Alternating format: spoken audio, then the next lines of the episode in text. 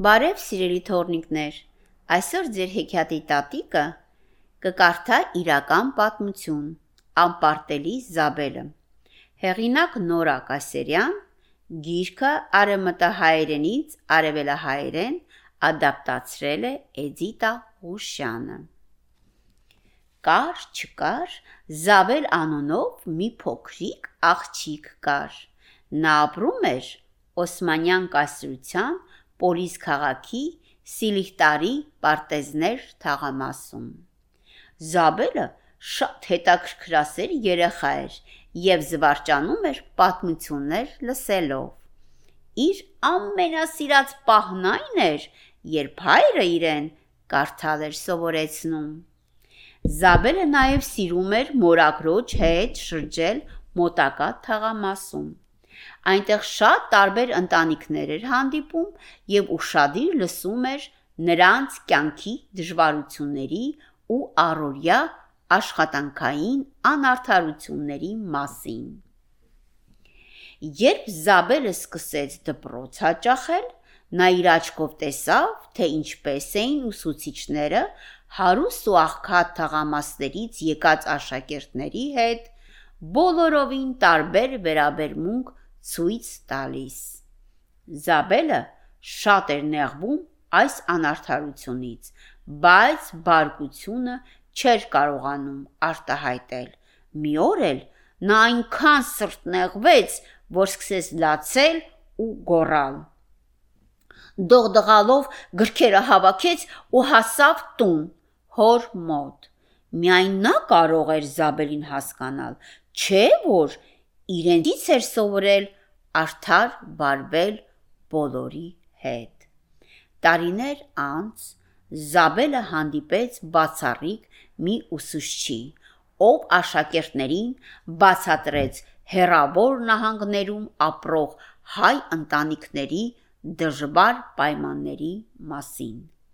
Նա գախնի նրանց տալիս էր այն հայերեն գրքերը, որոնք արգելված էին այդ օրերին կարդալ։ Այդ գրքերը զարգացրեցին Զաբելի երևակայությունը, եւ նա սկսեց երազել իր ժողովրդին օգտակար դառնալու մասին։ Տարիների ընթացքում Զաբելի սերը գրքերի նկատմամբ մեծացավ եւ նա երկար ժամեր էր անցկасնում իր սենյակում կարդալով։ Այդ օրերին, երբ աղջիկների միակ նպատակն էր մայր դառնալը, Անբախ Զաբելը որոշեց գրող դառնալ եւ ամբողջ ուժերը նվիրեց այդ նպատակին։ Նա սկսեց անդադար աշխատել եւ երբ դարձավ 17 տարեկան, հրատարակեց իր առաջին գիրքը։ Սա նրա առաջին քայլն էր դեպի իր փայլուն ապագան։ Զաբելը գրեց իր բոլոր կարծիքների եւ համոզմունքների մասին, հատկապես կանանց եւ աղջիկների իրավունքների մասին։ Ոմանք չէին հավանում նրա գաղափարները, ոմանք ասում էին, որ նրա հոդվածները անիմաստ էին, ուրիշներն էլ ասում էին, որ նրա գրությունները անպիտան են։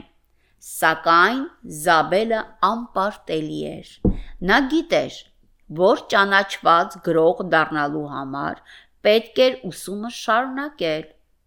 Բայց կար մի խնդիր։ Այն քաղաքում, որտեղ ապրում էր Զաբելը, ընդունված չէր, որ աղջիկները համասարան հաճախեն։ Սակայն Զաբելն անպարտելի էր։ Իր հոր քաջալերանքով Զաբելը տեղափոխվեց Փարիզ։ Փարիզ ուսանելու։ Այնտեղ նա հանդիպեց այլ գրողների եւ զարգացրեց իր գրելու արվեստը։ Չնայած Փարիզի երանդուն կյանքին, մեր Զաբելը շատ էր զգում իր տան կարոտը։ Նա իր արմատները չմոռացավ եւ զգացմունքները թղթին հանձնելով բազմաթիվ պատմվածքներ գրեց։ Ուսումը ավարտելուց հետո Նա վերադարձավ Պոլիս եւ շարունակեց ստեղծագործել։ Շատ դժվար էր իր գրածները հրատարակել, մանավանդ որ տղամարդիկ իր գրություններին չէին ընդունում։ Սակայն մեր Զաբելը անպարտելի էր, նա շարունակեց գրել։ Մի օր շատ ցավալի դեպք պատահեց։ Ադանա քաղաքում հազարավոր հայեր վիրավորվեցին։ Զաբելը որոշեց օգտակար լինել իր ժողովրդին։ Նա մի խումբ բժիշկների հետ գնաց Ադանա, որպիսի տուն գտնի որփացած երեխաների համար։ Պոլիս վերադառնալուց հետո գիրք գրեց իր բոլոր տեսածների մասին եւ բոլոր նրանց մասին, ովքեր կորցրել են իրենց ընտանիքները։ Սա շատ խիզախ քայլ էր Զաբելի կողմից, եւ այդ գրությունների պատճառով ամբողջ հայ համայնքը ոտքի կանգնեց տուժվածներին օգնելու։ Մարդիկ ի վերջո սկսեցին ընդունել Զաբելին որպես գրող եւ հասկանալ, որ նա անպարտելի էր։ Զաբելը շարունակեց գրել եւ գրեց բազմաթիվ հոդվածներ, վեպեր, պատմվածքներ եւ բանասեղծություններ, հեղինակ դարձավ շատ-շատ պատմվածքների։ Տեսնես, մտքով երբևիցե կանցներ Զաբելի, որ մի օր դառնալու է ամենահայտնի հայ գրողներից մեկը։ Կարդաց Մարա Բաբոն